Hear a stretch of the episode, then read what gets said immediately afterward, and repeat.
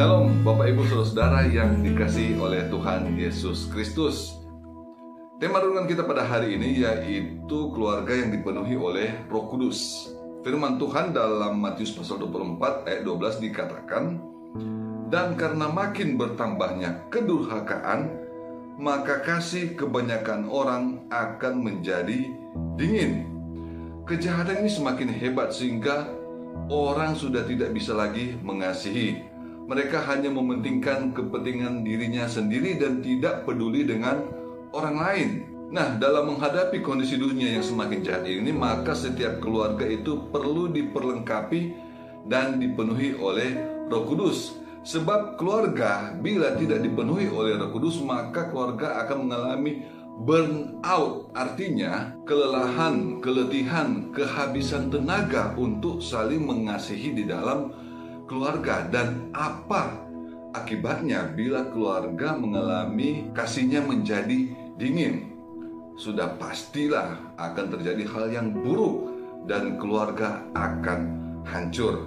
Nah, Tuhan tidak menginginkan keluarga kita ini hancur.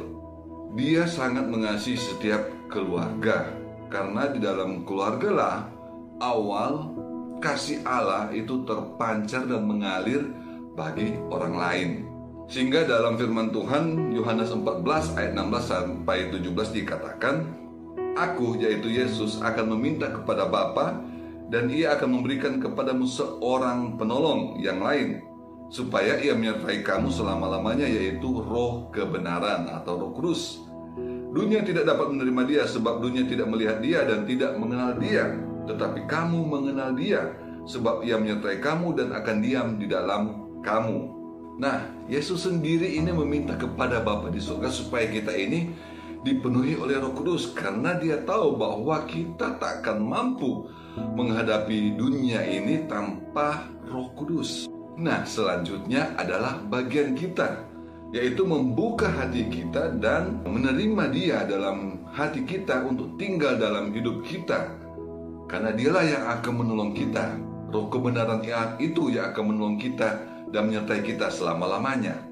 Roh Kudus yang memenuhi keluarga akan memampukan keluarga untuk bisa saling mengampuni, ya, mempererat hubungan satu dengan yang lain, meningkatkan ucapan yang syukur dalam keluarga, dan memampukan setiap anggota keluarga berperan untuk melawan serangan si jahat atau tipu daya si jahat. Dan yang paling utama, keluarga memiliki kasih yang besar, yaitu kasih yang rela berkorban, kasih yang tidak pandang bulu, kasih yang mau mengasihi, dan keluarga akhirnya bisa menjadi berkat bagi orang lain.